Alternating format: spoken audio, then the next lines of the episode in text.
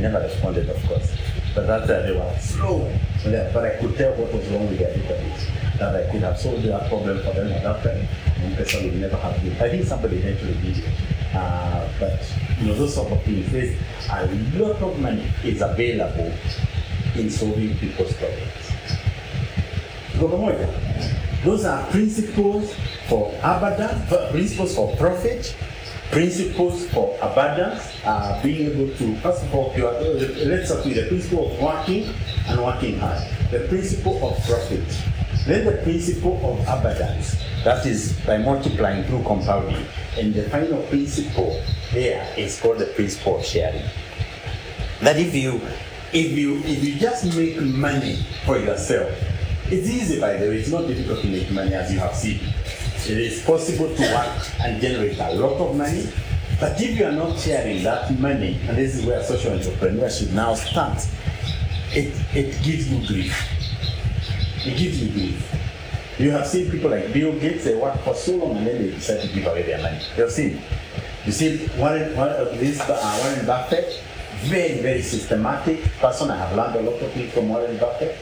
In his now 70s, he decided to give away his money. So, money, unless you actually give it away, it cannot give you pleasure. So, you have to make, you have to work, you have to work hard, you have to be able to accumulate, but organize a mechanism for sharing it, and you find a lot of joy by sharing it. Yeah? Now, I can tell you something that is going on in our church right now, this particular moment. In our church, it's a rural, very rural church. We have all these kids who have come out from, uh, from high school and they are trying to figure out what do I do with my life. None of them do very well. They are C's and E's in that. It's a very, very rural place in, that, in place called Kagemi. So we came up with a program in which they can be busy at the church compound helping out. But in exchange, we asked them, what would you like? What is it that you would like? And they talked about skills. They want to get computer skills, they want to get uh, driving skills, and uh, they want to eventually figure out what they will do with their careers. So, we have done the costing of what that would mean to be able to provide all of them. They come from very poor homes, so none of them can afford to pay for those courses. You know, to come up, there are a few people who will just generate cash to make that happen, and it's not even a of money. I think our total expenditure up to that particular point is going to be like 200,000. Okay? Now, what are they going to do in exchange? Number one, they were to plant trees in the church compound. So far, they have finished that job. Number two, they were going to actually trim the fences, do all of that, make the compound look nice. And number three, they were going to dig a hole, big hole, because we want to build up a tank, a water storage tank that will, uh, will keep about uh, 200,000 uh, uh, 200, well, 200,000 liters of water uh, in, in. We want to build. And these kids are digging it. They are happy, they are enjoying it, they'll come up with the skills. And the work they are doing, if we were contracting other people, it would have cost more money than that one to do. Have you, do you see? So the, who benefits? Everybody? Because the church saves money, the church mobilizes its members to raise this 200,000 for their training. They get the training. Everybody comes out as a winner. No, no. You're, you're with me. So this mechanism where you create abundance that you share it is a very, very important. So, so far with the general principles is what may happen. Now, the, when I became an Ashoka Fellow, my Ashoka Fellowship was to go into the agricultural space and create what I have just described, abundance in it. And the question was, how? I did not have the experience. So literally I dug in there and uh, the principles for and social entrepreneurship means if you have succeeded in other areas, like I was, I, I developed a very large system for Safaricom. The, the, the, for Safaricom, I designed the the WiMAX. You know the technology? Who is IT here? Yeah? There are IT guys who know WiMAX. You know what I mean by WiMAX. What, how do you explain to these guys what WiMAX is? Yeah? You're just getting into it. WiMAX is a technology that allows you to send data but within very, very defined frequencies. Right?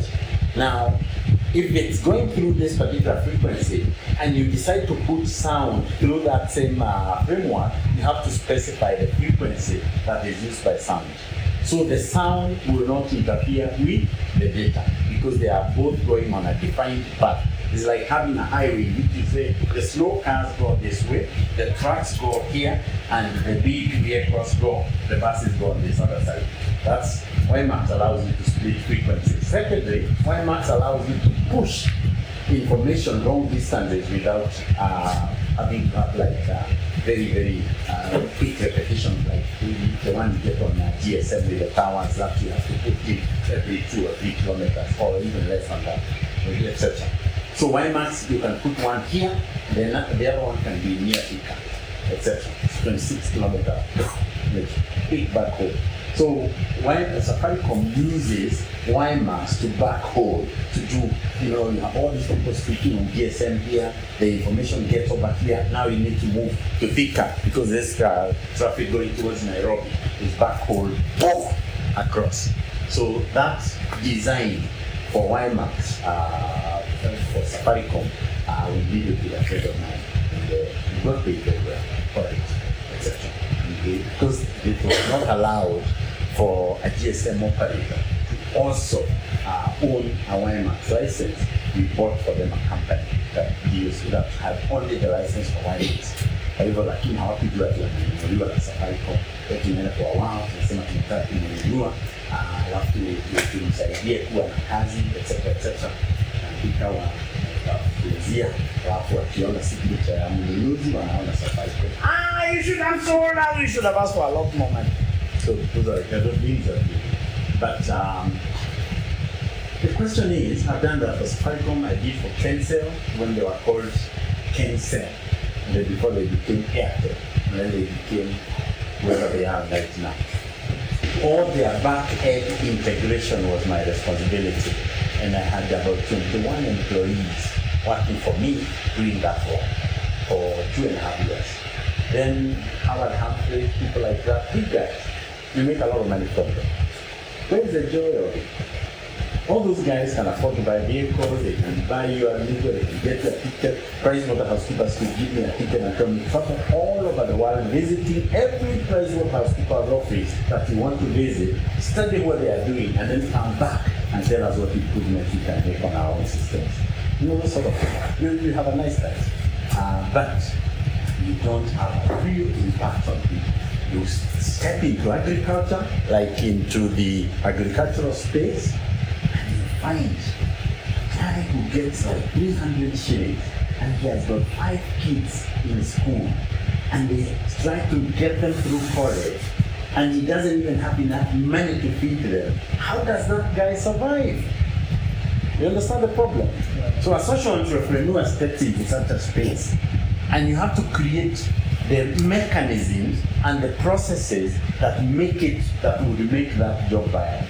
In our space was small scale agriculture, uh, people who are earning below minimum wage, and people who have got big families and big needs. How you deal with it? Now, we've been there now since 2010, and today we are there. So this, this is the way our business goes.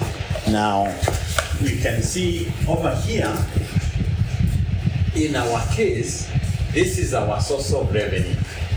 So this is what we generate, carbon offsets.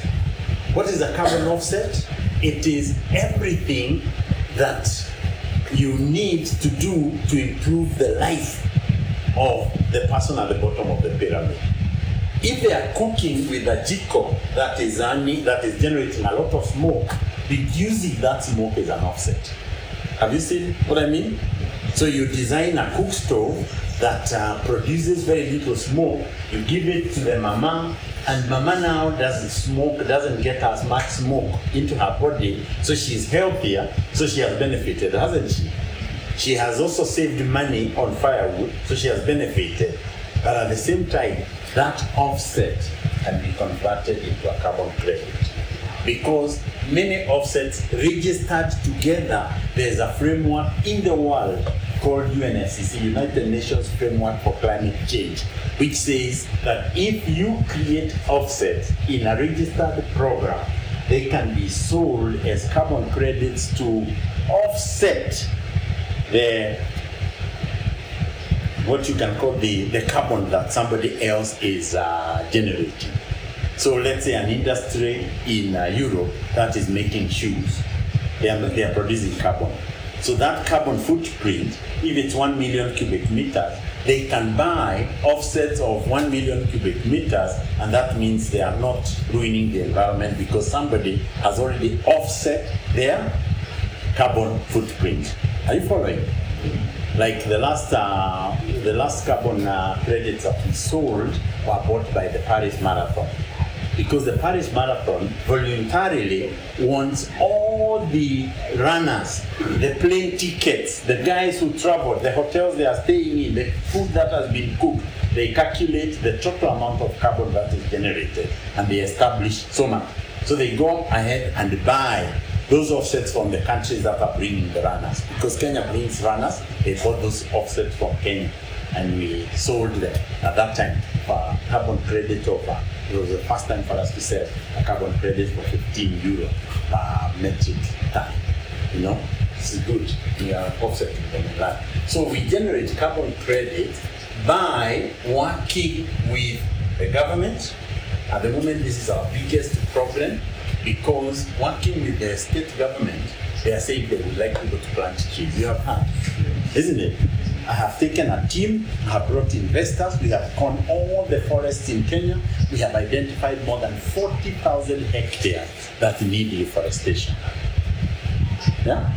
Now, if you do that, you can actually change the rain patterns in Kenya by doing it. The government is busy talking about wanting to do that. So you bring them those people and says, they, then they ask you, what is the motivation of these people? See, these people get carbon credit. He says, but how come they are not sharing the carbon credit with us? And we say the carbon credit is being shared with the CFAs, those the community forest associations will grow all the trees. That's a lot of employment. Then they will be paid to plant the trees. They will be paid to monitor the trees. Their water project in that area will be maintained by the carbon credit program. So they spend, yeah, but what about ask the government that they say, well, you wanted the trees. Yeah, you are giving uh, concessions for people who plant trees and then cut them as timber. We are planting trees that nobody will ever cut. Isn't that a good enough benefit? This is, but what is there for me, me, me, me?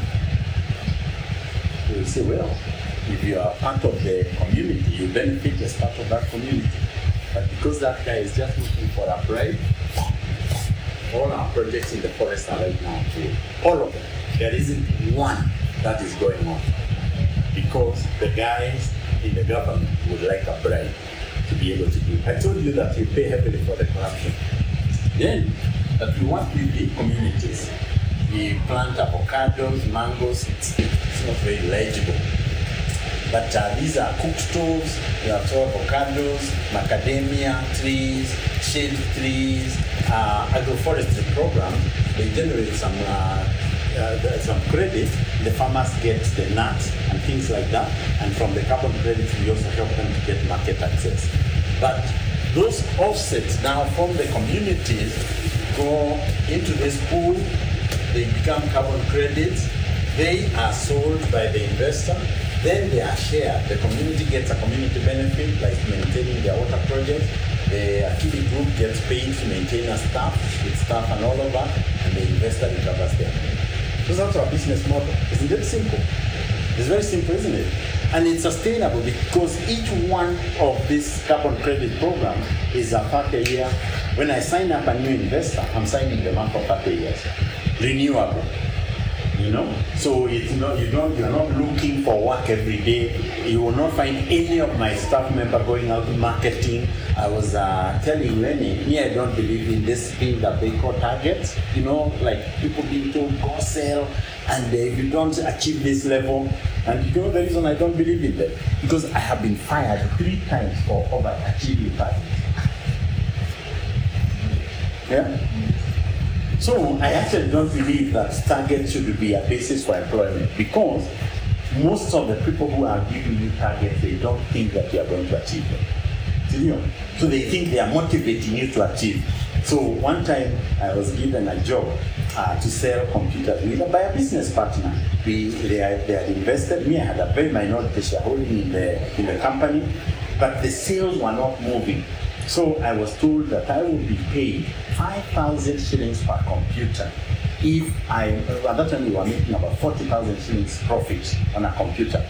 But I was paid 5,000 if we managed to sell more than uh, 100 computers in a month. So I went, I studied the entire process. I saw a, a lot of trouble was going on with customers who wanted a repeat. So fix this, fix that. I said, why don't I initiate a mechanism of finding out? So I would take the entire database of all the people who had bought and I would call each one of them. This is how I used to. You bought a computer from us last month. Are you happy with it? Of course not. This is why. Nobody fixed my modem. I said, don't worry, I'm sending somebody to come and fix your modem. Natuma engineer, naenda na fix, and then I call him tomorrow. You, are you happy now? Says, I'm very happy. Says, could you please make me happy? And he says, how? He says, could you be able to give me the name of a person who can sell, who can be able to buy a computer like the one you bought? In 99% of the cases, I always got a new name. Then I would call that person and he says, Mr. Karanja told me that you might, you, have you seen his new computer? I said, no, I haven't. He says, you should, but he thinks you should have one. And I would get another from there. In less than three months, single-handedly, I was selling more computers than eight of our senior salespeople, all of them put together. I was accounting for 80% of the sales myself, and they were accounting for 20%, all of them put together, because of just working to make a customer happy. Unaelewa? Then now our boss saw my claim, which would have been now, my salary was 100,000 shillings at that time. But my bonus would have been like half a million a month. Would you have paid if you were here? Yeah? Akasema, I think we did not calculate these targets properly. Yeah. Then in another company that I was involved in, that was a carbon credit program. The question was, hii you know jikokoa? When they first forgot established in Kenya, uh, the question was they never knew how to sell in the rural areas. It was all targeted for the area. So a company that they had a partner with in the US agreed to do an experiment in the rural areas and they hired me to help them design a model for selling in the rural area. So I decided to go to target Machakos. And we went to Machakos. I organized to get all the microfinance organizations and all the groups into one meeting. And I give them a vision that we can open new accounts because that is what the microfinance wants. You want a new account? You want somebody to open an account? I will open the account for you. And then you will give them a loan to buy a Jiko. On that day, same day, and uh, we negotiated how will we are we going to make sure that we get paid. They will call guarantee one another. This guy will guarantee that one. Ten people will guarantee each person, etc., etc. And everybody agreed. We sold six thousand Jikos in five months. It Was one of the most fantastic experience. I did not even know that it was a, an, an important target, but the organization that was dealing with this thought Kenya is a super country. They closed their office in Ethiopia. They closed their office in, um, in um, what is uh, Rwanda. They closed their office in Uganda and they came and concentrated on Kenya. Then the CEO moved from the US to come and get based in Kenya because they believed Kenya was a magic country. They never accredited it to me. Yeah? So we are in a meeting, my normal meetings with this guy from the US, who is the chief operating officer, the chief executive officer. And in the meeting, he changed everything that I was doing. So I, David, can I see you on the side? When the meeting was still going on, so I take him over there. I said, you cannot change my protocol. My work is based on a particular process. I've invested time for years developing those processes. Now you're changing it. In the, all these people are going to go to the field and they're going to fail. And he told me, I am the CEO in the one. I said, I don't care. I, I tried to ask myself, what, what what made me do that? Says, I'm the CEO in the world. I said, I don't care. I'm the CEO in Kenya. and you are changing my Kenyan practice. You can't do that. So he went back to the meeting and he just continued with this conversation as if I had not spoken to him. I was so angry, you know. I told him afterwards, if you ever change anything else that I have tried, I have implemented, I will resign. And I think he did that deliberately so that I could resign. Because he did not believe that it was my processes, he believed that it was Kenya is a magic country. So when he changed to something else, as he was doing it in the forever, I wrote my resignation letter.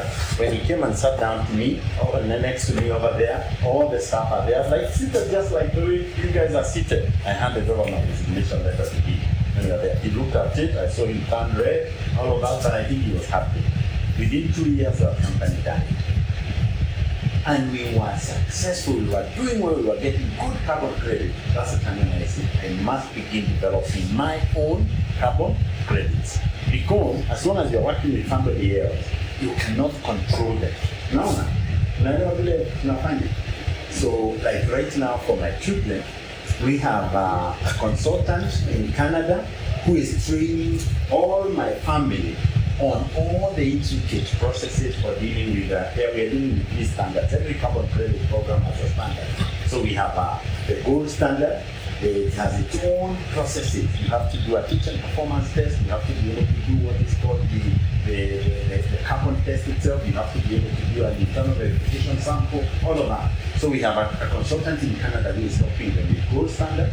He's helping with VCS, is another mechanism, and a mechanism called REDD Plus. That one is for conservation. So getting the processes right is the most critical thing. If in carbon credits, if you do things wrong, like let's say for example they are monitoring and you say you have planted one million trees, and they monitor like 100,000 trees, and they find that 10% of them did not grow, they prorate the extraction of all of that carbon into all the million that you have done, and you lose that in that.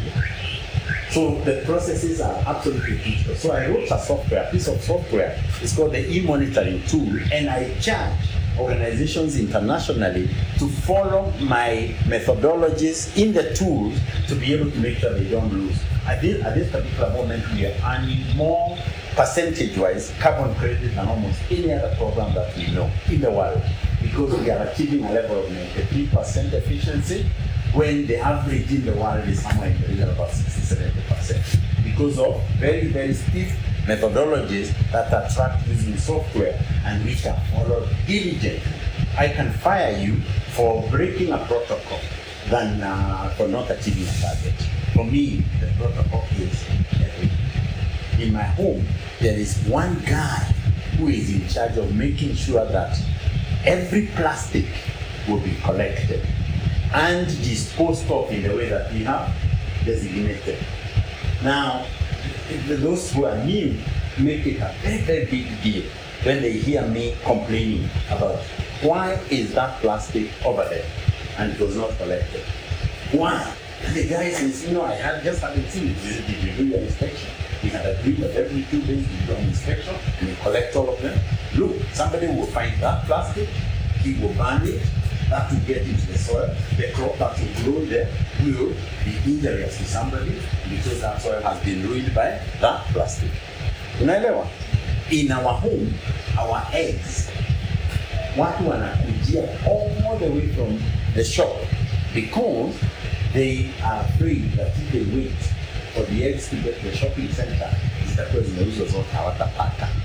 So right now my wife is scaling the, the egg production because the demand is so high in the local area. Our milk, because we, get this uh, milk, uh, the, the maize stock, we mix it, we cut it up, we wet it, we mix it with maize jam, we mix it with yeast, we mix it with a little 6% urea, a little urea, and we mix it with uh, molasses. Then it is put in a hole and sealed for three months. It's uh, one of the best tasting silage that a cow can eat. Even the cows smile when they're eating it. You know, they're happy. But it's cheap because I'm working with maize store. store. You understand? but the production is consistent for milk. And the milk tastes the same. The milk is very nice. The, I'm the only person in our village whose milk watu wanangojea kwa laini before it gets there. Because we have a place we take, there's a woman who comes and gets our milk in our home, takes it to the local shopping center. Akifika hapo anakuta laini ya watu wanangojea akuje, na kuna watu wengine wanauza maziwa huko, lakini watu wanangojea hiyo maziwa kwa sababu hatuweki maji, we are honest, hatu, it tastes the same, it's well done. Do you understand what I mean about processes? So processes is everything. And then the third thing I want to say is that unless you have empathy with the community, unless you have empathy with people, you will not spend time to do what they need. In our case, myself, I believe that if, I'm, if a, a, a person is working with me, they should actually have the kind of life that I have. Now, I passed through a bank today, and I want to show you this. I, I wasn't intending to do this, but I, this just got excited to me. This is a, you can look at it. It's a bank, it's a bank statement for a group that uh, meets outside my house. Now, how much money is there in the bank at the end of the month? At the end, the last page. Top top. What is the top top amount? What is the last balance?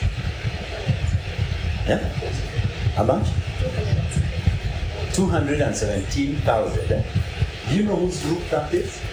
This is the group of our farm workers. Yeah? Wanafanya kazi, they save, they invest, they borrow, they repay instead of taking advances. And they, they have educated kids since we moved that country. Some kids have gone all the way to university and finished it. And at the end of the month, we plead, we are trying to plead with who needs a loan. And nobody needs a loan because everybody has a loan. The total amount of money that is in distribution among them is more than a million shillings. And the payments you can see are all payments for repayments. If you look at that statement, you can see there are very few withdrawals from the bank, isn't it? People are watu wanaweka tu pesa. They come, they get this big loan, then they pay over time. But we designed this because we realize that these people, unless they have got a place where they can get the cash they need to go through a whole year to meet the big needs, they will always be approaching you. Nilipia school fees, nilipia hospitali, nilipia nini. So we created this method. It's, the, our session is once a month. It starts with a lesson on investment uh, from the Word of God. It starts with uh, now the, the checking on the contributions. Then we look at the strategy for improving our group, like whether we are investing in something, etc. And. Umeelewa? So that is where I would like to first of all just stop and ask uh, whether you have one or two questions before I get thrown out of this platform. and these are also our products. I think you can see them. We improve hibiscus, we improve coffee. We this is uh, the Prunus africana is a bark of a tree that we sell. So those are the kind of things that we are we are doing out in the village. Okay. Yes. Two questions for you. Um, first of all, thank you so for sharing It's very um, It's always fascinating to meet people who are actually doing the right thing, and it's inspiring. Um, my question is, from your story, how did you finally settle on carbon credits? Because you, you really tried a lot of things. Mm. How did you know this is what you now own, focus on? And then when you venture into a new field, do you simultaneously work as you learn? Or what's the process like? Do you Okay. take your time to research? Like how do you do? Thank you.